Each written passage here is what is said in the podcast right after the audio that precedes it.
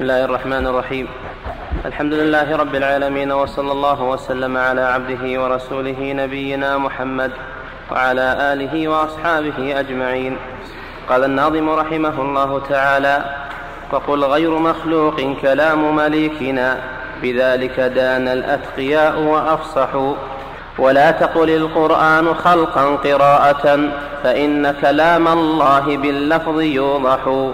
بسم الله الرحمن الرحيم الحمد لله والصلاة والسلام على رسول الله وعلى آله وأصحابه أجمعين أما بعد فإن عقيدة أهل السنة والجماعة من الصحابة والتابعين ومن تبعهم أنهم لا يشكون بأن القرآن كلام الله حقيقة تكلم الله به سبحانه وتعالى وأوحاه إلى جبريل. سمعه جبريل ونزل به إلى محمد صلى الله عليه وسلم وبلغه محمد صلى الله عليه وسلم إلى الأمة. قال تعالى وإنه لتنزيل رب العالمين. نزل به الروح الأمين على قلبك لتكون من المنذرين بلسان عربي مبين. تنزيل رب العالمين. نزل من عنده سبحانه وتعالى. نزل به الروح الأمين وهو جبريل الموكل بالوحي. على قلبك خطاب للرسول صلى الله عليه وسلم. تكون من المنذرين. بلسان لغة القرآن أنه عربي. عربي مبين أفصح اللغات. وقال سبحانه وتعالى إنه لقول رسول كريم. يعني جبريل عليه السلام. ذي قوة عند ذي العرش وهو الله سبحانه وتعالى مكين. يعني جبريل عليه السلام. له قوة أعطاه الله قوة وأعطاه الله مكانة وقربا من الله جل وعلا. مطاع تطيعه الملائكة. ثم أمين. أمين على وحي الله عز وجل. هذه أوصاف جبريل عليه السلام أنه بهذه الأوصاف وأنه أمين على وحي الله. لا يزيد فيه ولا ينقص وإنما يبلغه كما تحمله عن الله جل وعلا. ثم قال وما صاحبكم يعني محمدا صلى الله عليه وسلم بمجنون كما يقوله المشركون. نفى عنه الجنون. ولقد رآه أي رأى جبريل عليه السلام على صورته في الأفق المبين. رآه رأى محمد صلى الله عليه وسلم جبريل على صورته الملكية. رآه فوقه في بطحاء مكة بالأفق وهو عنان السماء. رآه رؤية عيان. ثم قال جل وعلا ولقد رآه نزلة أخرى. أي رأى محمد صلى الله عليه وسلم جبريل على صورته مرة ثانية عند سدرة المنتهى ليلة المعراج. نبينا محمد صلى الله عليه وسلم رأى جبريل على صورته التي خلقه الله عليها مرتين. مرة في مكة ومرة في الملأ الأعلى عند سدرة المنتهى. وما عدا ذلك فإن جبريل يأتي إلى محمد صلى الله عليه وسلم في صورة رجل وعنده أصحابه يرونه رجلا. لأنهم لا يطيقون رؤيته على صورته الملكية. يأتيه على صورة رجل ويخاطبه. فهذا توثيق لسند القرآن الكريم أنه تلقته أمة محمد صلى الله عليه وسلم عن محمد عن جبريل عن الله عز وجل. فهو كلام الله. وأما إضافته إلى الملك في قوله إنه لقول رسول أي إضافة تبليغ مبلغ. وإضافته إلى محمد صلى الله عليه وسلم في قوله إنه لقول رسول كريم وما هو بقول شاعر. إضافة تبليغ أيضا فمحمد صلى الله عليه وسلم وجبريل عليه السلام كلاهما متحمل ومبلغ لكلام الله والكلام إنما يضاف إلى من قاله مبتدئا لا إلى من قاله مبلغا مؤديا. لأنه لا يمكن أن الكلام يكون من ثلاثة. الله أخبر أنه كلامه. وأضافه إلى الرسول الملكي وإلى الرسول البشري من باب إضافة التبليغ فقط. فهو كلام الله ابتداء وكلام جبريل ومحمد تبليغا عن الله عز وجل. لا يشك المسلمون في هذا إنه كلام الله منزل غير مخلوق. قال تعالى إنا أنزلنا إليك الكتاب تنزيل الكتاب من الله. قل هو منزل, منزل من ربك بالحق. فالله جل وعلا وصفه بأنه كلامه حتى يسمع كلام الله وما أبلغوا مأمنة. يريدون أن يبدلوا كلام الله. وصفه بأنه كلامه وأنه هو الذي أنزله هو الذي أنزله. أما الأشاعرة فيقولون إنه مكتوب في اللوح المحفوظ وإن جبريل أخذه من اللوح المحفوظ ونزل به على محمد صلى الله عليه وسلم وهذا باطل. هذا قول باطل. فإن جبريل لم يأخذه عن اللوح المحفوظ وإنما أخذه عن الله عز وجل. نعم هو مكتوب في اللوح المحفوظ. قال تعالى إنه لقرآن مجيد إنه لقرآن مجيد في لوح في لوح محفوظ. وإنه في أم الكتاب لدينا لعلي حكيم. يعني القرآن أنه مكتوب في اللوح بلا شك. لكن جبريل لم يأخذه عن اللوح كما تقوله الأشاعرة وإنما أخذه عن الله جل وعلا. فينبغي معرفة هذا لأن هذا مذكور في عقائد الأشاعرة. وقد رد الشيخ محمد بن إبراهيم رحمه الله على هذا القول في رسالة مطبوعة وهي أيضا مع فتاواه في رسالة سماها الجواب الواضح المستقيم في كيفية نزول القرآن العظيم.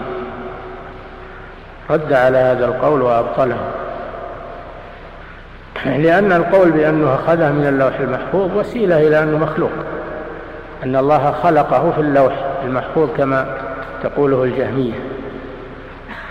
فهذا مأخوذ من قول الجهمية. فهو قول باطل. أحببنا التنبيه عليه.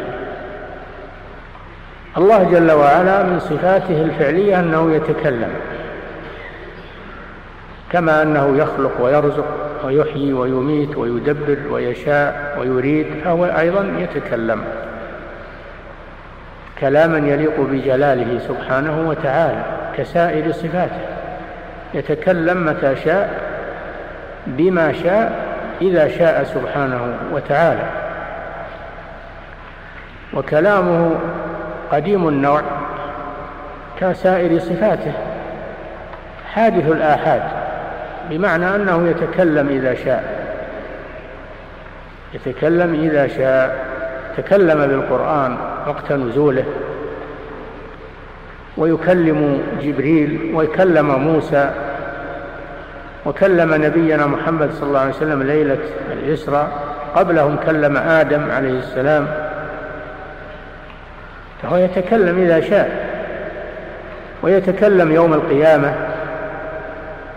يتكلم يوم القيامة ويحاسب الناس ويكلم المؤمنين في الجنة ويكلمونه فهو يتكلم بكلام قديم النوع حادث الآحاد. ومن كلامه القرآن الكريم من كلامه التوراة والإنجيل والقرآن الكريم وسائر الكتب المنزلة على الأنبياء كلها كلام الله جل وعلا. ومنها القرآن الكريم الذي هو أعظمها والذي جعله الله مهيمنا عليها.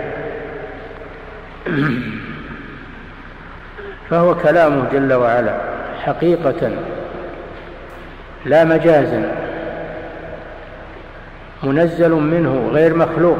هذا مذهب أهل السنة والجماعة. ويصرحون بهذا. وما عندهم شك في هذا في زمن الصحابة وما عندهم شك في هذا. وإنما لما ظهرت الجهمية قالوا القرآن مخلوق والمعتزلة والأشاعرة ومشتقاتهم لما ظهروا أهل السنة بينوا أن القرآن منزل غير مخلوق ردا عليهم وإبطالا لقولهم. لأن هذا معناه إذا قيل أنه مخلوق فمعناه أن الله لا يتكلم. والذي لا يتكلم لا يكون إلها. كما قال إبراهيم لأبيه يا أبت لم تعبد ما لا يسمع ولا يبصر ولا يغني عنك شيئا؟ لا يسمع ولا يبصر. جماد. تمثال. في الآية الأخرى اتخذ قوم موسى من بعده من حليهم عجلا جسدا له خوار ألم يروا أنه لا يكلمهم ولا يهديهم سبيلا؟ لا يكلمهم لأنه جماد. فدل على أن الذي لا يكلم أنه ليس بإله؟ ألم يروا أنه لا يكلمهم ولا يهديهم سبيلا؟ كما قال في الآية الأخرى ولا يرجع إليهم قولا ولا يملك لهم ضرا ولا نفعا. فأخرج لهم عجلا جسدا له خوار فقالوا هذا إلهكم وإله موسى فنسي أفلا يرون؟ ألا يرجع إليهم قولا؟ يعني لا يكلمهم. ألا يرجع إلي ألا يرجع إليهم قولا ولا يملك لهم ضرا ولا نفعا. وأن هذه ليست المصدرية هذه مخففة من الثقيلة. مخففة من الثقيلة. الأصل أنه لا يرجع. خففت وصارت ألا يرجع. لذلك صار الفعل مرفوعا بعدها. فالحاصل أن الذي لا يتكلم لا يصلح للربوبية والإلهية لأنه ناقص وكيف يأمر وكيف ينهى؟ كيف يدبر وهو لا يتكلم؟ هذا تعجيز لله عز وجل. الله جل وعلا يقول قل لو كان البحر مدادا لكلمات ربي لنفد البحر قبل أن تنفد كلمات ربي. ولو أن ما في الأرض من شجرة أقلام والبحر يمده من بعده سبعة أبحر والبحر يمده من بعده سبعة أبحر ما نفدت كلمات الله التي يأمر بها وينهى ويدبر دائما وأبدا كلمات الله لا تحصى الذي يتكلم بها ويأمر وينهى ويدبر لا تحصى ولا تكتبها البحار وأقلام الدنيا. الجهمية يأتون يقولون كلام الله مخلوق. الفجرة الكفرة. فهذا فيه وصف الله بالعجز وأنه لا يتكلم ولا يأمر ولا ينهى. وفيه أيضا أن هذا القرآن ليس كلام الله. تقولون هذا كلام الله ليس كلام الله هذا مخلوق. فبهذا القرآن هو الأصل الأول من أصول الأدلة. إذا كان ليس كلام الله فكيف يستدل به؟ هذا قصدهم. وهي دسيسة يهودية لأن أصل مذهب الجهمية مأخوذ عن اليهود كما ذكر شيخ الإسلام في رسالته الحموية أنه مأخوذ عن اليهود. وليس هذا بغريب على اليهود. لعنهم الله الذين حرفوا كلام الله وبدلوا وغيروا. فهذه دسيسة من اليهود ليبطلوا القرآن الذي بأيدي المسلمين. فهذا مذهب خبيث ولهذا ولهذا انبر الأئمة في رده وإبطاله. وبيان أنه زيف مدسوس أما من يقول أن مسألة القول بخلق القرآن أنها ما تحتاج إلى هذا الاهتمام ولا ما يحتاج أنهم يهتمون به من فضول الكلام كما يقول بعض المتحذلقين من الكتاب المعاصرين أو من يتسمى بالعلم. هذا قول باطل هذا تهوين تهوين من مسألة خطيرة. ينبغي التساهل فيها. ليس هي من فضول الكلام. وتسفيه للأئمة الذين اهتموا بردها. وعذب من عذب كالإمام أحمد وقتل من قتل منهم في ردها. وهذا يقول مسألة يعني مسألة سهلة. ولا تحمل كل هذا. هذا إما أنه جاهل لا يدري عن شيء وإما أنه متجاهل مبطل يريد أن لا يرد على الجهمية والمعتزلة والأشاعرة كما يقولون. وبعضهم يقول الناس أحرار هي حرية القول وحرية الكلمة تحجروا لا تحجروا على الناس. يعني لا تردون الباطل ولا تبينون الحق. كل له كلامه كل له قوله. تكون الدنيا فوضى. فينبغي التفطن لهذه الدسائس. وهذه الشرور التي تحاك ضد المسلمين. نعم. وقل غير مخلوق كلام مليكنا بذاك قل غير غير مخلوق. هذا رد على الجهمية. ومن قال بقولهم كلام مليكنا أي الله جل وعلا. مليك الملك. الله جل وعلا هو الملك وله الملك وبيده الملك وهو على كل شيء قدير. قل اللهم مالك الملك تؤتي الملك من تشاء وتنزع الملك ممن تشاء وتعز من تشاء وتذل من تشاء بيدك الخير. إنك على كل شيء قدير. فالله جل وعلا هو مالك الملك. وأما الملوك من بني آدم فإنما ملكهم عارية. يؤتيه الله من يشاء منهم ثم ينزعه منهم ينزعه منهم ويعطيه للآخر تداول من باب التداول. أما الملك الثابت الدائم الذي لا يزول ولا هذا ملك الله جل وعلا. الله جل وعلا عندما تقوم الساعة يقول لمن الملك اليوم؟ فلا أحد يجيب. لو كان أحد له دعوة قال أنا الملك لي. لمن الملك اليوم؟ ما حد ما حد يتكلم. ثم يجيب نفسه سبحانه فيقول لله الواحد القهار ولا أحد يعارض في هذا. فالملك لله جل وعلا وإنما يهب من يشاء شيئا من الملك مدة محددة ثم إما أن يموت وإما أن يؤخذ منه ينزع منه بالقوة نعم. وقل غير مخلوق كلام مليكنا بذلك دان الأتقياء وأفصحوا. بذلك أي بأنه كلام بأنه غير مخلوق. دان الأتقياء من الأئمة. دانوا يعني اعتقدوه. دانه دانوا يعني اعتقدوا هذا القول وأفصحوا أظهروه أظهروه للناس وقالوا القرآن منزل غير مخلوق. ما سكتوا قالوا هذه آراء وخلوا الناس على حرية الكلمة حرية الرأي. بل إنهم أفصحوا غاية الإفصاح وناظروا وجادلوا ألفوا وكتبوا في رد هذا القول بخطورته وشناعته وتنقصهم لله عز وجل فلا يسع أهل العلم أن يسكتوا عن هذا القول أو يتساهلوا به. نعم. ولا تك في القرآن بالوقف قائلا كما قال أتباع لجهم وأسجحوا.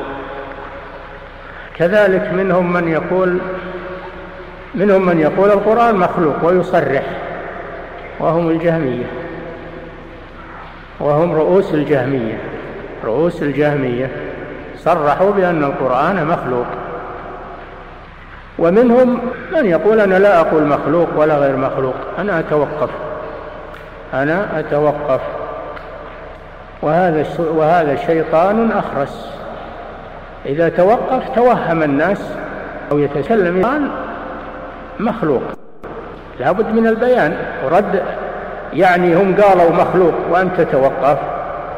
معنى هذا أنك تأيدهم لكن ما تصرح ما تصرح به فلا يجوز التوقف في هذا.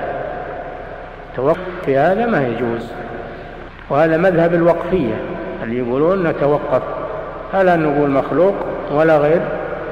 مخلوق وهذا معناه كتمان لبيان الحق. و يعطي احتمالا لقول الجهمية. يعطي احتمال لقول الجهمية أنه صحيح حيث لم يرد ولم يفضح ولم يكشف. فالذي يشك في أن القرآن غير مخلوق الذي يشك في القرآن هل هو مخلوق أو غير مخلوق ويتوقف هذا جهمي. هذا جهمي لكنه يتستر. وإلا لو كان ليس جهميا لصرح قال القرآن غير مخلوق لكنه يتستر بالتوقف وإلا هو في الحقيقة جهمي. جهمي. بل الجهمية يمكن أحسن منه لأنهم صرحوا وعرف مذهبهم وهذا يخدع الناس يخدع الناس في أنه متورع في أنه متورع ولا يقدر على القول بهذا الأمر. الناس يقولون الله هذا متورع ما دخل في الموضوع. لا ما يكفي التوقف بل لابد من التصريح ببطلان هذا القول. أما اللي يتوقف هذا موافق للجهمية لأنه لو كان مخالفا لهم لصرح بمخالفتهم. نعم ولا تقل. ولا تك في القرآن بالوقف قائلا كما قال أتباع لجهم وأفصحوا. أي نعم كما قال جعلهم من أتباع الجهمية. لأنهم لو, لو, لو لم يكونوا من أتباع الجهمية لما توقفوا بل صرحوا بل صرحوا بذلك وردوا على الجهمية. نعم. ولا تك في القرآن بالوقف قائلا كما قال أتباع لجهم وأسجحوا. أسجحوا يعني تساهلوا الإسجاح هو التساهل واللين أسجح يعني لأن لأن وفي بعض النسخ وأسمحوا من السماح يعني سمحوا لهذا. فسواء أسجحوا أو أسمحوا فمعناه أنهم لم ينكروا وإنما لانوا مع هذا القول. لانوا مع الجهمية. ما أنكروا عليهم بل توقفوا هذا معناه إسجاح. أي لين معهم. نعم. ولا تقل القرآن خلقا قراءة فإن كلام الله باللفظ يوضح. وهذا مذهب ثالث في هذه المسألة. المذهب الأول التصريح بأن القرآن مخلوق. المذهب الثاني التوقف فلا يقال مخلوق ولا غير مخلوق. قول الثالث يقولون اللفظ اللفظ بالقرآن مخلوق لفظي بالقرآن مخلوق. وهذا في الحقيقة احتيال على القول بخلق القرآن. احتيال على القول بخلق القرآن. لأنه لا لا يجوز لك أنك تقول لفظي بالقرآن مخلوق. ولا يجوز أن تقول لفظي بالقرآن غير مخلوق بل لا بد من التفصيل. إن قلت لفظي بالقرآن مخلوق هذا هذا مذهب الجهمية. وإن قلت لفظي بالقرآن غير مخلوق فهذا أيضا تأييد لقول الجهمية. فلا بد من لا بد من إذا قلت لفظي بالقرآن غير مخلوق فأنت أدخلت أفعالك مع أفعال الله وجعلت فعلك غير مخلوق. وهذا مذهب الجبري مذهب مذهب القدرية الذين ينفون القدر الذين ينفون القدر ويجعلون العباد هم اللي يبتكرون أفعالهم ويخلقونها. فهذا إرضاء للجهمية أو للقدرية. فلا بد من التفصيل بأن تقول ماذا تريد بقولك لفظي بالقرآن؟ هل تريد التلفظ؟ تريد التلفظ والصوت؟ أو تريد الملفوظ به؟ فإن كنت تريد الملفوظ به هو غير مخلوق. الملفوظ به هو كلام الله جل وعلا.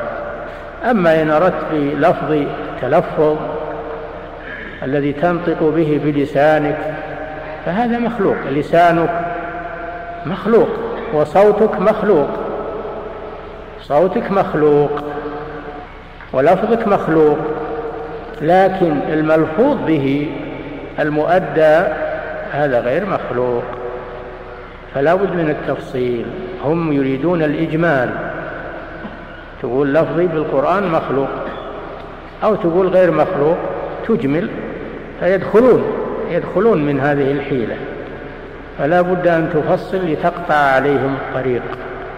ولهذا يقول أهل السنة الصوت صوت القاري والكلام كلام الباري. الملفوظ به كلام الله. وأما اللفظ والأداء فهو كلام المخلوق. مخلوق. صوته مخلوق.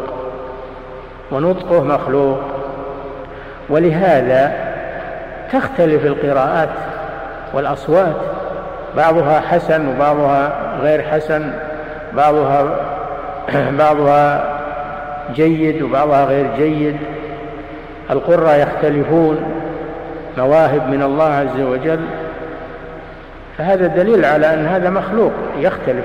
بعضهم يعطى صوتا حسنا بعضهم يعطى دون ذلك. أما كلام الله جل وعلا فإنه لا لا بد أن يكون في غاية الكمال. اختلاف الأصوات دليل على أن الأصوات مخلوقة. أن الأصوات مخلوقة. وما كان ينبغي الدخول في هذا لكن هم اللي ألجأوا المسلمين إلى هذا الشيء. فلا بد من البيان. لما ألجأوا الناس إلى هذا القول فلا بد من كشفه وبيانه. هي مصيبة في الحقيقة. لولا أن الله قيض لها الأئمة وبينوها لالتبس على كثير من الناس هذا الأمر. نعم.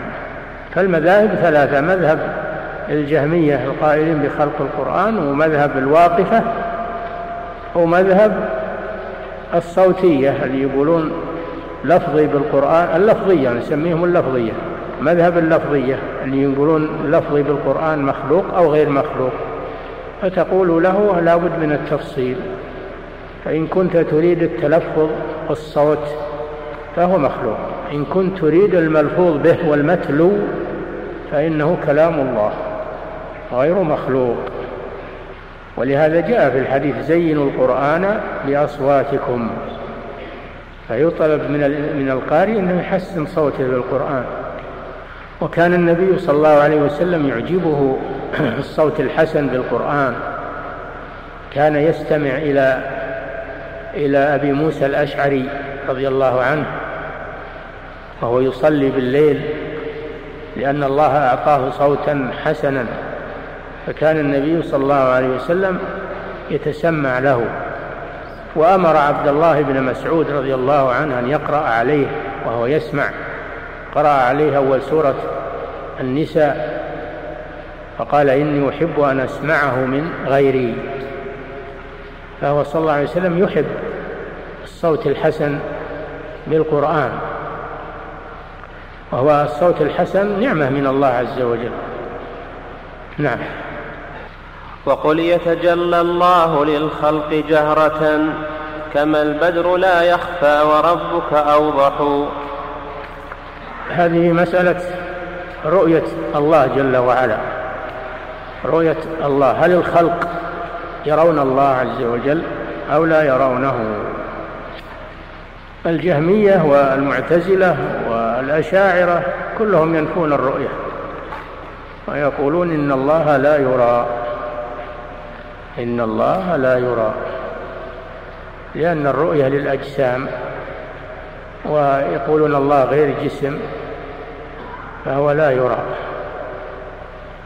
وينفون الرؤيا بتاتا لا في الدنيا ولا في الآخرة. ينفونها في الدنيا وفي الآخرة. نسأل الله العافية. وهناك قوم يقولون إن الله يرى في الدنيا وفي الآخرة. وهذا قول بعض الصوفية كما مر بكم في درس البارحة. بعض الصوفية يقولون إن الله يرى في الدنيا ويرى في الآخرة. والقول الثالث وهو القول الحق. هو أن الله يرى في الآخرة يراه أهل الجنة كما تواترت بذلك الأحاديث عن رسول الله صلى الله عليه وسلم. وأما في الدنيا فإنه لا يرى لأن الناس لا يطيقون رؤية الله في الدنيا. ولما طلب موسى عليه السلام كليم الله قال رب أرني أنظر إليك قال لن تراني. ولكن انظر إلى الجبل فإن استقر مكانه فسوف تراني.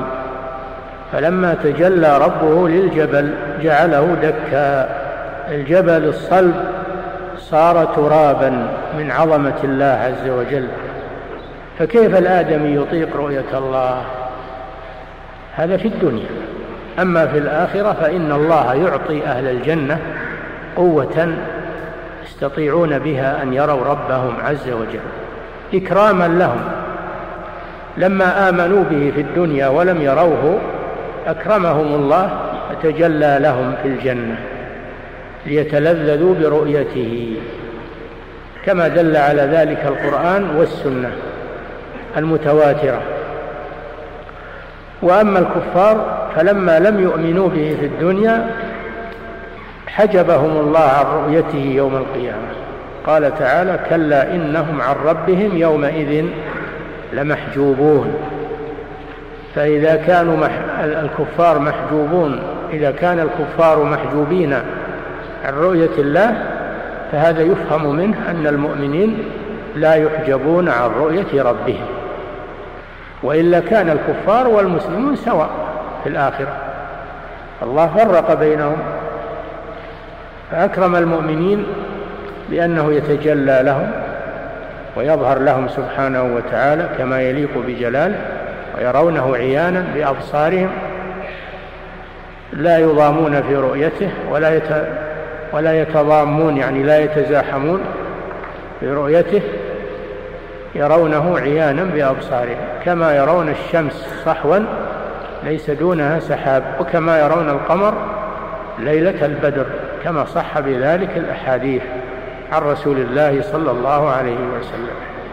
هذا مذهب أهل السنة والجماعة في رؤية الله عز وجل. والله جل وعلا يقول للذين أحسنوا الحسنى وزيادة الحسنى هي الجنة وزيادة هي النظر إلى وجه الله كما في صحيح مسلم. وكما قال تعالى لهم ما يشاءون فيها ولدينا مزيد. لهم ما يشاءون في الجنة ولدينا مزيد وهو رؤية الله جل وعلا. وكما في قوله تعالى وجوه يومئذ ناظرة من النظرة وهي البهجة إلى ربها ناظرة بأبصارها لأن النظر إذا عدي بإلى فمعناه المعاينة بالبصر. النظر إذا عدي بنفسه انظرونا فمعناه الانتظار. إذا عدي بفي أولم ينظروا في ملكوت السماوات والأرض فمعناه التفكر والاعتبار. وإذا عدي بإلى فمعناه المعاينة بالأبصار. معناه المعاينة بالأبصار. إن عدي بنفسه فمعناه الانتظار. وإن عدي بفي فمعناه التفكر والاعتبار وإن عدي بإلى فمعناه المعاينة بالأبصار. هذه هي القاعدة. والآية التي معنا معدا بإيش؟ بإلى. إلى ربها ناظرة. فهذا معاينة بالأبصار. نعم. وأما قوله تعالى لا تدركه الأبصار وهو يدرك الأبصار الإدراك غير الرؤية؟ أنت أنت ترى الشيء وتبصره لكن لا تدركه يعني لا تحيط به لا تحيط بالمرء من كل جانب وإنما تراه فالله فالمؤمنون يرون ربهم يوم القيامة لكن لا يدركونه لا يدركون عظمته جل وعلا. ولا يحيطون به علما. ف وأنت ترى الشمس الآن ترى الشمس لكن لا تحيط بها بجرمها وحدودها. ما تستطيع ما تستطيع تحددها. هذا في المخلوق. كيف بالخالق سبحانه وتعالى؟ فنفي الإدراك غير نفي الرؤية. بل قالوا إن نفي الإدراك يدل على الرؤية. يدل على أنه يرى لكنه لا يدرك يعني لا يحاط لا يحاط به سبحانه وتعالى. نعم. وقل يتجلى الله للخلق جهرة. نعم. وقول الله لموسى قول الله لموسى لن تراني ليس معناه النفي المؤبد لن تراني يعني في الدنيا بدليل أن ثبتت الرؤية في الآخرة. فقوله لن تراني هذا في الدنيا. ويقولون إن كلمة لن ليست للنفي المؤبد وإنما هي للنفي المؤقت. نعم. وقل يتجلى الله للخلق جهرة. يتجلى يعني يظهر سبحانه وتعالى ويكشف الحجاب عنه جل وعلا يكشف الحجاب عنه جل وعلا. نعم. وقل يتجلى الله للخلق جهرة. كما البدر لا يخفى وربك أوضح. كما البدر لا يخفى. هذا مأخوذ من قول النبي صلى الله عليه وسلم. إنكم سترون ربكم كما ترون البدر. القمر ليلة البدر. ليلة البدر هي التمام. ليلة خمسة أربعة عشر وخمسة عشر. ليالي الإبدار. هذه تمام القمر. لأن القمر أول ما يهل الشهر يبدو ضعيفا. ثم يزيد يزيد يزيد إلى أن يتكامل في ليالي الإبدار وهي ليالي الرابع عشر والخامس عشر. يتكامل القمر. ثم يأخذ بالنقص إلى أن يصير هلالا. والقمر قدرناه منازل حتى عاد كالعرجون القديم. العرجون هو صنخ النخلة العذق. العذق اللي شهونه منحني. شهون العذق منحني. اللي هو الصنخ يسمونه الصنخ. هذا الهلال يكون على شكل على شكل العرجون القديم. نعم. وليس بمولود وليس بوالد وليس له شبه تعالى المسبح. الله جل وعلا يقول بسم الله الرحمن الرحيم. قل هو الله أحد. الله الصمد لم يلد ولم يولد ولم يكن له كفوا أحد. هذه سورة الإخلاص.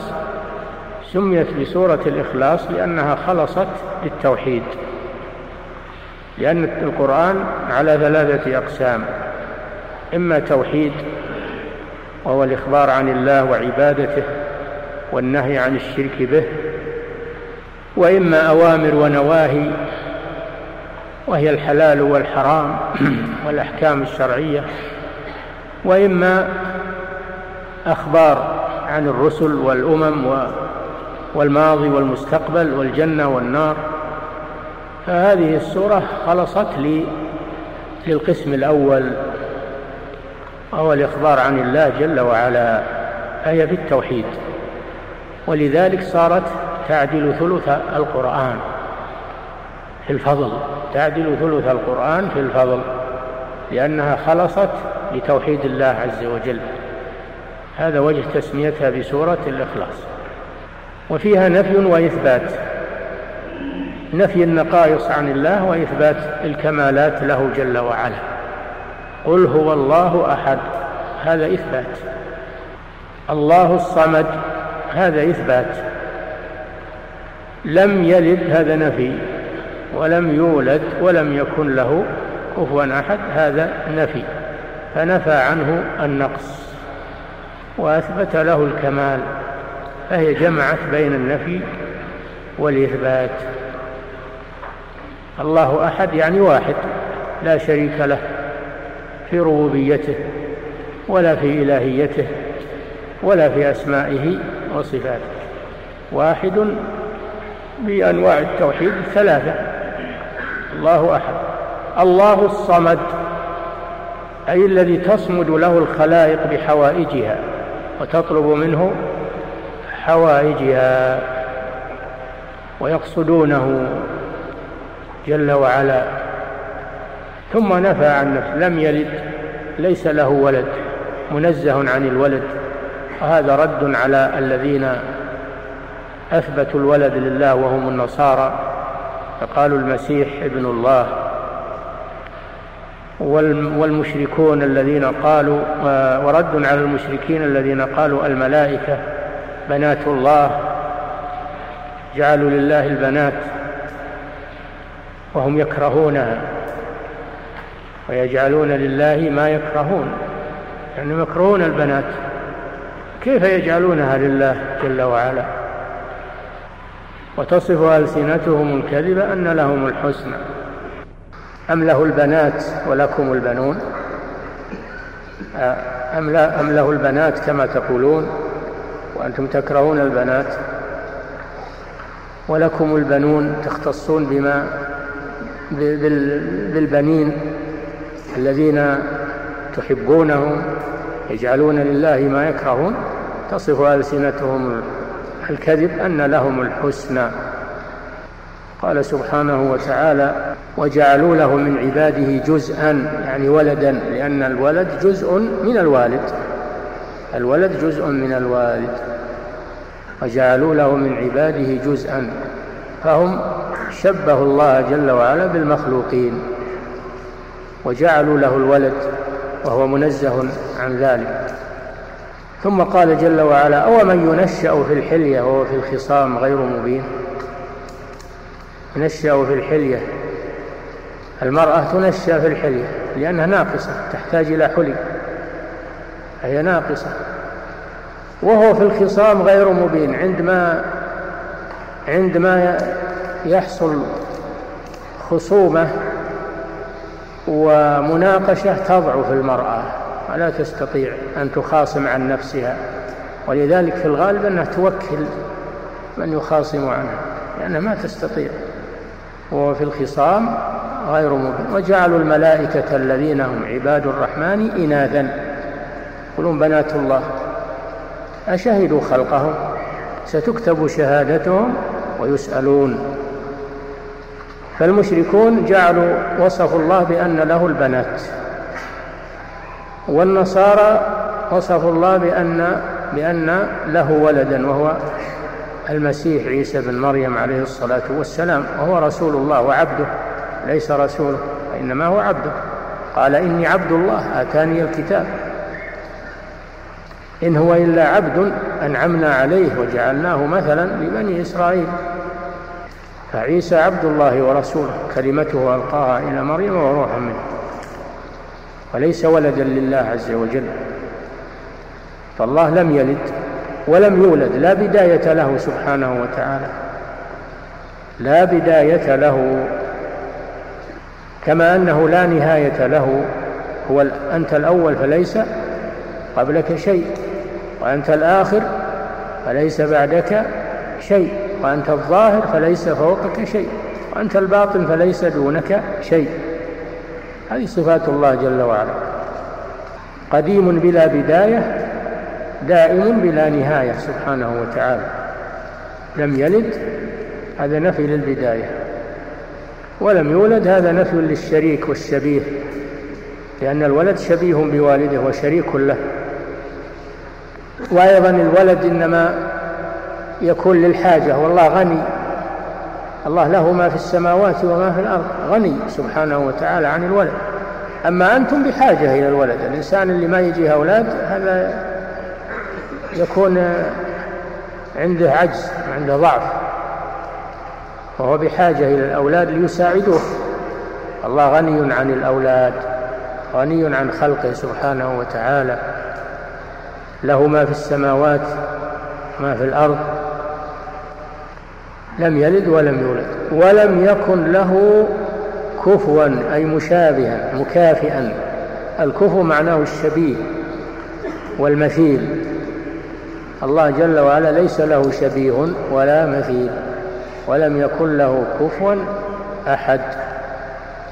أي لا أحد يكافيه ويساويه سبحانه ويشابهه ويماثله أبدا ليس كمثله شيء.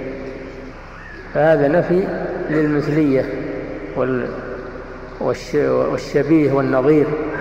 كما قال تعالى هل تعلم له سميا؟ أي أحدا يساويه سبحانه ويساميه على الحقيقة. نعم. وليس بمولود وليس بوالد وليس له شبه تعالى المسبح. هذا مأخوذ من سورة الإخلاص. فيها إثبات الأحدية والصمدية لله ونفي الولد والوالد عن الله ونفي المشابهة له سبحانه وتعالى لا يشبهه شيء من خلقه. نعم. وقد ينكر الجهمي هذا وعندنا بمصداق ما قلنا حديث مصرح. قد ينكر الجهمي رؤية الله عز وجل. ينكر الجهمي رؤية الله عز وجل في الآخرة. ولا مستند له في ذلك. ونحن عندنا في إثبات الرؤية مستند. حديث مصرح. حديث يعني اسم جنس وإلا عندنا أحاديث كثيرة متواترة. أحاديث متواترة من رواية جماعة من الصحابة رضي الله عنهم. وقد ساقها ابن القيم رحمه الله في حاد الأرواح في كتاب حاد الأرواح إلى بلاد الأفراح. وهو كتاب في الجنة وأوصافها الله عليه وسلم وبغض سنته وبغض رؤية الله وأورد الأحاديث المتواترة فيها بسياقاتها وأسانيدها ورواتها. نعم. وقد ينكر الجهمي هذا وعندنا بمصداق ما قلنا حديث مصرح رواه جرير عن مقال محمد فقل مثل ما قد قال في ذاك تنجح. رواه جرير بن عبد الله البجلي رضي الله عنه. هذا من جملة الرواة من الصحابة وإلا فقد رواه غيره من الصحابة فهو أراد أن يمثل فقط. نعم. رواه جرير عن مقال محمد. عن مقال محمد النبي صلى الله عليه وسلم. جرير صحابي جليل يروي عن محمد رسول الله صلى الله عليه وسلم. نعم. رواه جرير عن مقال محمد. فقل مثل ما قد قال في ذاك تنجح. نعم. قل ما قاله الرسول صلى الله عليه وسلم تنجح. ولا تخالف قول الرسول صلى الله عليه وسلم فتخسر. فإن الرسول صلى الله عليه وسلم لا ينطق عن الهوى إن هو إلا وحي يوحى فقوله حق لا يتطرق إليه شك عليه الصلاة والسلام. نعم. وقد ينكر الجهمي أيضا يمينه وكلتا يديه بالفواضل تنفح. هذا عاد بحث في اليدين وهذا يأتي في الدرس القادم إن شاء الله. نعم. أحسن الله إليكم صاحب الفضيلة وجزاكم الله خيرا. هذه مجموعة من الأسئلة. أعرض على فضيلتكم بعض ما تيسر منها. هذا سائل يقول ما ذكره الله عز وجل في القرآن على لسان الأنبياء؟ قل هل يصح القول بأن المعنى من عند البشر لكن بصياغة ربانية؟ المعنى من عند البشر؟ أي نعم. هذا قول الجهمية. هذا قول الجهمية. هذا هذا ما قالها أحد. ما قالوا أن المعنى من عند البشر واللفظ من الله. هذا ما قاله أحد إلا هذا الجاهل. الأشاعرة يقولون المعنى من عند الله واللفظ من البشر. المعنى من عند الله وأما اللفظ فهو من البشر. هذا قول الأشاعرة. الجهمية والمعتزلة يقولون اللفظ والمعنى من قول البشر وليس من قول الله. أما أن يقال العكس المعنى من عند البشر والصياغة أو اللفظ من عند الله هذا قول محدث. ما قاله إلا جاهل لا يدري ما يقول. نعم. أحسن الله إليكم صاحب الفضيلة. وهذا السائل يقول ما معنى هذه العبارة؟ حقيقة حقيقة لا مجاز. حقيقة لا مجاز. الحقيقة ضد المجاز. المجاز يقولون هو كلام الله مجاز بمعنى أن الله خلقه فيضاف إليه إضافة مجازية لأنه خلق. أهل السنة يقولون هو كلامه حقيقة تكلم الله به. نعم. أحسن الله إليك. والسائل يحتاج إلى أنه يدرس البلاغة حتى يعرف الحقيقة والمجاز. ما هي؟ نعم. أحسن الله إليكم صاحب الفضيلة. هذا السائل يقول ما معنى قول أهل السنة رحمهم الله؟ القرآن إنه قديم النوع حادث الآحاد. ما قالوا القرآن يا أخي؟ يقول كلام الله كلام الله قديم النوع حادث الآحاد. أما القرآن ما يقول أنه قديم يقولون حادث. ما يأتيهم من ذكر من ربهم محدث إلا استمعوه وهم يلعبون. فالقرآن من أفراد كلام الله عز وجل من أفراد كلام الله ومن آحاد كلام الله عز وجل. لكن النوع قديم وهو أن الله يوصف أي أنه يتكلم من الأزل. نعم. أحسن الله إليكم صاحب الفضيلة وهذا السائل يقول يكتب بعض معلم الدراسات الإسلامية. خلي يقول القرآن قديم مثل آه، مثل السفاريني وغيره. هذا خطأ. القرآن ما يقال أنه قديم. يقولون كلام الله القديم هذا غلط. القرآن ليس قديما بل هو محدث ومنزل على الرسول صلى الله عليه وسلم. نعم. أحسن الله إليكم صاحب الفضيلة. هذا السائل يقول يكتب بعض معلم الدراسات الإسلامية يكتب بعض معلمي الدراسات الإسلامية عبارة مادة القرآن الكريم.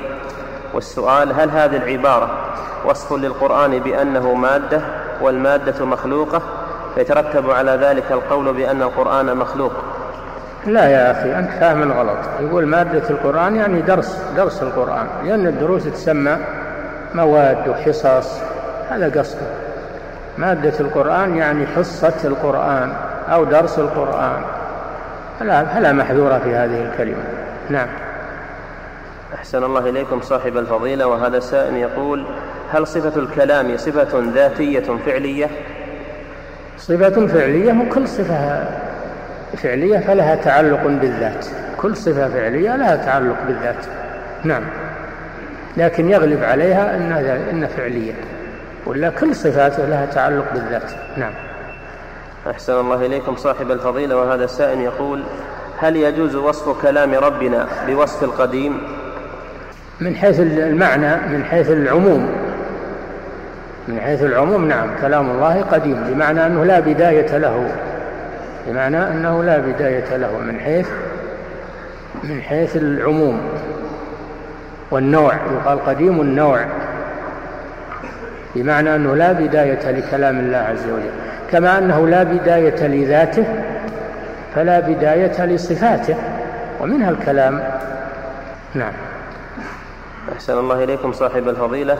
وهذا سائل يقول في قول أبي موسى الأشعري رضي الله تعالى عنه للنبي صلى الله عليه وسلم لو علمت أني أنك تستمع لقراءتي لحبرته لك تحبيرا. هل يوهم هذا بأنه يجوز أن يزين الصوت لغير الله بقراءة القرآن؟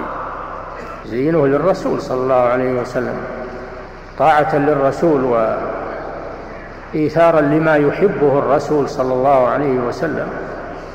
فهذا للرسول خاصة لأن لأنه يريد أن يرضي الرسول بما ويسمعه ما يحب. نعم. أحسن الله إليكم صاحب الفضيلة وهذا سائل يقول من هو الكاتب المنتسب للعلم؟ القائل بأن القرآن بأن الكلام في مسألة القرآن مخلوق أو غير مخلوق أنه ترف عقلي أو أن الخلاف أن الخلاف فيه هين لنحذره. كثير من الكتاب منهم على ما أذكر الجابري المغربي الحداثي واحد من الحداثيين المغاربة. قرأت له كلام في بعض الجرائد يقول هذا يقول إن البحث في خلق القرآن وهذا أشغل الناس وهو ما وأن الإمام أحمد ما عذب وسجن من أجل أنه ينكر القول بخلق وإنما مسألة سياسية لأنه خشيوا, خشيوا عليه على ملكهم منه فسجنوه وعذبوه. هذا كلام هذا كلام الجابري ومثل غيره. نعم. وفيه الشيخ الله المستعان أبو غدة كتب رسالة في هذا ورد عليه الشيخ حمود التويجري. أبو غدة يقلل من شأن هذه المسألة يقول ما تحتمل كل هذا؟ فرد عليه الشيخ حمود التويجري رحمه الله برد مفحم. نعم. أحسن الله إليكم صاحب الفضيلة. هذا سائل يقول كيف نجمع بين قول النبي صلى الله عليه وسلم ثلاثة لا يكلمهم الله يوم القيامة الحديث وبين قوله ما منكم من أحد إلا سيكلمه ربه؟ هؤلاء لا يكلمهم من أجل عقوبتهم من أجل عقوبتهم. وأما الخطاب ما منكم من أحد إلا سيكلمه هذا للمؤمنين الذين يكرمهم ربهم عز وجل ويخاطبهم ويحاضرهم. نعم. فهؤلاء يحرمون من من تكليم الله لهم عقوبة لهم عقوبة لهم. نعم. أحسن الله إليكم صاحب الفضيلة. وهذا سائل يقول ما حكم تعليق السور؟ أو بعض الآيات على الجدران كالزينة مثل آية الكرسي أو الأدعية المأثورة أو المعوذات. والله هذا ما ينبغي التلاعب بالقرآن وجعله زخارف وديكورات وتعليقه في المجالس هذا إهانة للقرآن في الحقيقة. وإن كان بعض العلماء كشيخنا ابن باز رحمه الله لا يرى بأسا بهذا لكن هو قصده حسن يقول أن هذا يذكر الناس أن هذا يذكر الناس فيه مصلحة. ونحن نقول وإن كان فيه مصلحة جزئية لكن الضرر أكثر من المصلحة. لما فيه من امتهان القرآن واتخاذ القرآن آه، لوحات يباع ويشرى ويعلق على الطرقات ويصيبه القاذورات ويسقط في الأرض ويداس. ينبغي أن القرآن يصان القرآن يحفظ في الصدور ويكتب في المصاحف. ويحتفظ به ولا يكتب على هذه الطرق التي يعتريها ما يعتريها. نعم. كم رأينا من لوحة ساقطة وتداس عليها أو تقع عليها الطيور وتلقي عليها القاذورات. فيصان القرآن عن مثلها. ويتراكم عليها الغبار والأتربة. هذا إهانة للقرآن الكريم في الحقيقة. وهم قصدهم الزينة والزخارف فقط. هم قصدهم التذكير إلا ما شاء الله. ما نقول كلهم. بعضهم قصده التذكير لكن التذكير هذه مصلحة جزئية ترتب عليها مضار كثيرة نحو القرآن الكريم. فنحن لا ننصح بتعليق القرآن. أما في المساجد هذا ممنوع عند الجميع لأنه يشغل المصلين. يشغل المصلين الكتابة. سواء القرآن أو غيره في المساجد. والزخرفات في المساجد ممنوعة. نعم. أحسن الله إليك. إذا كان تعليق سورة آية الكرسي والمعوذات على سبيل الحروز والحجب. هذا بعد محذور آخر. إذا كان يعلق القرآن على السيارة أو في البيت من أجل الحرز هذا تعليق التمايم.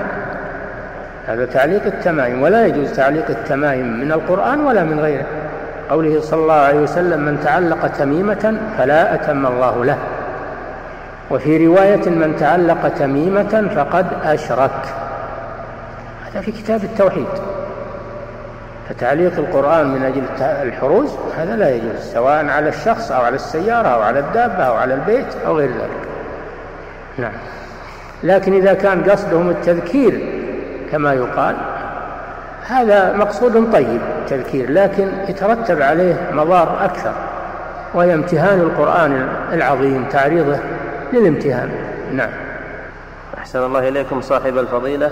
هذا السائل يقول توجد في القرآن الكريم آيات مثل قوله تعالى وكان الله غفورا رحيما فما معنى كلمة كان كان ولا يزال كما قال ابن عباس رضي الله عنه. كان ولا يزال ما هي معناه؟ كان في الماضي. لكن كان يعني إخبار عن استقرار هذا الأمر لله عز وجل وثباته ودوامه. نعم. أحسن الله إليكم صاحب الفضيلة. هذا السائل يقول ما معنى قول النبي صلى الله عليه وسلم حجابه النور أو النار لو كشفه لأحرقت سبحات وجهه ما انتهى إليه بصره من خلقه. الحجاب معروف وهو ما يحجب الأبصار عن رؤية الله عز وجل. وحجابه النور. حجابه النور جل وعلا. النور الذي هو آه، صفة من صفاته جل وعلا. أو النور المخلوق الذي خلقه الله وجعله حجابا. المهم أنه يمنع رؤية الله هذا الحجاب من النور. ولذلك لما سئل النبي صلى الله عليه وسلم هل رأيت ربك؟ يعني ليلة المعراج قال نور أن أراه. وفي رواية النوراني أن أراه. وأما سبحات وجهه فمعناها السبحات معناها النور. أحرقت سبحات وجهه أي نور وجهه جل وعلا. ما انتهى إليه بصره من خلقه. السبحات هي النور. نعم. أحسن الله إليكم صاحب الفضيلة. هذا سائل يقول هل الله يكشف الحجاب عن جميع الثقلين؟ ويراه جميعهم مؤمنهم وكافرهم. الذي صح وثبت أن المؤمنين يرونه في الجنة وأن الله يتجلى لهم في الجنة. اختلفوا هل يرى هل يرى في عرصات القيامة هل يرى في عرصات القيامة ويراه الكفار والمسلمون؟ فيه من يقول هذا. وأظن الشيخ تقي الدين في الواسطية ذكر هذا. ذكر أن أنه يرى في عرصات القيامة والعرصات معناها الساحات التي يجتمع فيها الناس ويرى في الجنة. ففي عرصات القيامة يراه الناس كلهم لكن رؤية الكفار له ليست رؤية نعيم ليست رؤية نعيم وإنما هي رؤية توبيخ وعتاب لهم. نعم. أحسن الله إليكم صاحب الفضيلة وهذا سائل يقول ما معنى قول النبي صلى الله عليه وسلم؟ رأيت ربي في أحسن صورة. هذه رؤيا رؤيا في المنام. هذه رؤيا في المنام. نعم في أحسن صورة. والله يوصف بأن له صورة. قال خلق آدم على صورته في رواية على صورة الرحمن. يوصف جل وعلا بأن له صورة لكن ليست كسائر الصور كسائر صفاته. تليق بجلاله سبحانه وتعالى كسائر صفاته. نعم. أحسن الله إليكم صاحب الفضيلة وهذا سائل يقول هل صحيح أن الإمام أحمد رحمه الله رأى الله عز وجل في المنام؟ وهل تكون الرؤية على صورة الله الحقيقية؟ أجبناكم في الليلة الماضية وقلنا أنه جائز أن المؤمن يرى ربه بالرؤيا. إذا كان يؤمن بالله إيمانا صادقا وبأسمائه وصفاته فقد يكرمه الله جل وعلا بأن يراه في الرؤيا. والرؤيا غير غير اليقظة. الرؤيا غير اليقظة. نعم. أحسن الله إليكم صاحب الفضيلة. هذا سائل يقول ما معنى قوله عليه الصلاة والسلام ليس بينه وبينهم حجاب؟ الحجاب الذي يمنع الرؤية يزيل الله جل وعلا يكشف الحجاب. ولو كان الحجاب موجودا ما رأوه لكنه كشفه جل وعلا وتجلى لهم. نعم. أحسن الله إليكم صاحب الفضيلة. هذا سائل يقول هل رأى النبي صلى الله عليه وسلم ربه عز وجل في ليلة المعراج؟ الصحيح أنه لم يراه بعينه وإنما رآه بقلبه وبصيرته ولم يره بعينه. ولهذا سئل النبي صلى الله عليه وسلم هل رأيت ربه؟ قال نور أنا أراه يعني كيف أراه؟ وحجابه النور. نعم.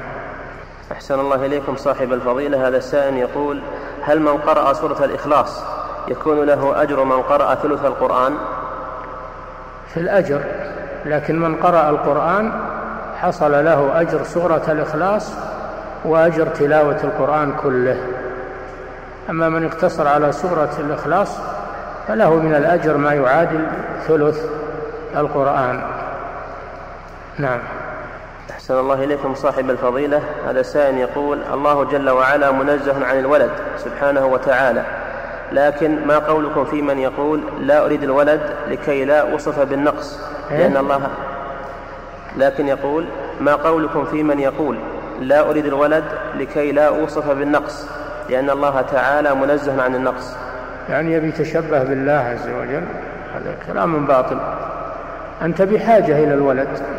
وأما الله فهو غني عن الولد. الولد محتاج إليه جل وعلا لا أنه هو محتاج إلى الولد. أما أنت بحاجة إلى الولد. إذا أصابك مرض ولا كبرت ولا من الذي يقوم بشؤونك؟ ولا أصابك فقر من الذي ينفق عليك؟ من الذي يدافع عنك؟ أنت بحاجة إلى الولد. هذه ضرورة فطر الله عليها البشر والناس. والله جعل لكم من أنفسكم أزواجا وجعل لكم من أزواجكم بنين وحفدا. هذا من تعداد النعم التي في سورة النحل. الله عدد فيها النعم ومنها أن الله جعل لكم أولادا وحفدة من زوجاتكم. نعم. أحسن الله إليكم صاحب الفضيلة. هذا سائل يقول أريد بيانا شافيا في حكم الرافضة والجهمية والمعتزلة والقدرية وهل هم كفار؟ لأن كثيرا من الناس يسأل عن ذلك فيقول بعض طلاب العلم لا أدري. نحيلك على كتب على كتب الفرق. على كتب الفرق مثل الملل والنحل ومثل الفرق بين الفرق ومثل مقالات الإسلاميين للأشعري مثل راجعها وتشوف إن شاء الله. وراجع راجع في شأن الشيعة. راجع الخطوط العريضة. لمذهب الشيعة لمحب الدين الخطيب. إذا صرت عاجل وإن صرت أنك عندك استعداد راجع منهاج السنة النبوية شيخ الإسلام ابن تيمية في الرد على الشيعة والقدرية. نعم. وأيضا قد تقول أن هذه تنقل عنهم وأنا ما أصدقها. يا أخي نحيلك على كتبهم هم على كتب الرافضة. تشوف فيها الكفر البواح والعجب العجاب الذي تتفطر منه السماوات والأرض. اقرأ في كتبهم شوف. نعم. أحسن الله إليكم صاحب الفضيلة. هذا سائل يقول والدي قتل أمي ظلما وعدوانا ولا يوجد من يطالب بالقصاص إلا أنا ولقد عفوت عنه وأخرجته من السجن. السؤال أنت مالك عليه قصاص؟ أنت مالك عليه قصاص؟ حتى لو ما عفوت مالك عليه قصاص. لا يقص لوالد لا يقص لولد من والده. نعم. أحسن الله إليكم. يقول في تتمة سؤاله هل أنا داخل في قول النبي صلى الله عليه وسلم لن يجزي ولد والده إلا أن يجده مملوكا فيعتقه وهل المقصود بالحديث أنه يكون قد وفاه حقه أمام الله عز وجل ولا يبقى عليه شيء. أنا أقول ما لك عليه قصاص حتى تعفو عنه. ما جعل الله لك عليه القصاص حتى تعفو عنه. لكن عليك ببره. إذا كنت تريد الأجر والثواب فعليك ببره والإحسان إليه. نعم. أحسن الله إليكم صاحب الفضيلة. هذا سائل يقول لقد كثرت في هذه الأيام رسالة في الجوال بهذه العبارة لولا خوفي من الرحمن لكتبت على الجدران حبك سادس الأركان إيش؟ يقول انتشرت في هذه الأيام رسالة في الجوال وهذه العبارة لولا خوفي من الرحمن لكتبت على الجدران حبك سادس الأركان فما حكمها؟ من يعني؟ من يخاطب. المرسل إليه أي. لولا إيش؟ يقول سلمك الله. لولا خوفي من الرحمن. ما خفت من الرحمن. اللي يقول هالكلام ما خاف من الرحمن. نعم. لولا نعم. خوفي من الرحمن لكتبت على الجدران حبك سادس الأركان. يعني سادس أركان الإسلام؟ إذا كان يقصد هذا هذا كفر والعياذ بالله. وين الخوف من الرحمن؟ نعم. أحسن الله إليكم صاحب الفضيلة. هذا السائل يقول كيف يتحلل المغتاب من أخيه؟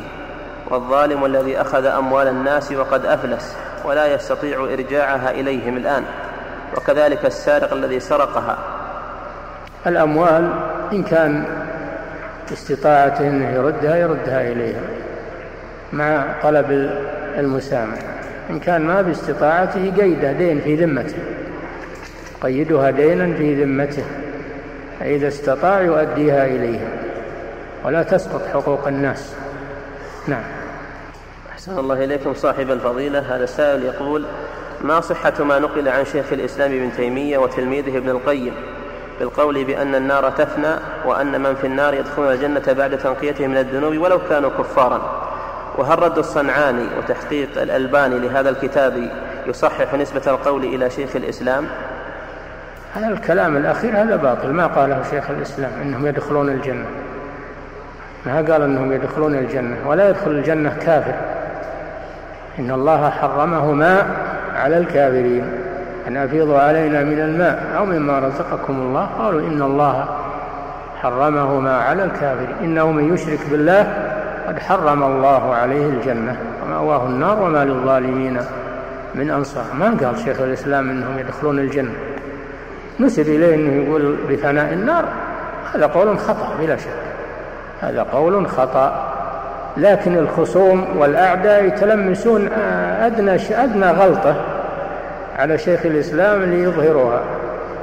ولكن شيخ الإسلام له فضائل له فضائل وله جهاد في سبيل الله وله ما يغطي هذا الخطأ اليسير إذا كان صح عنه هذا.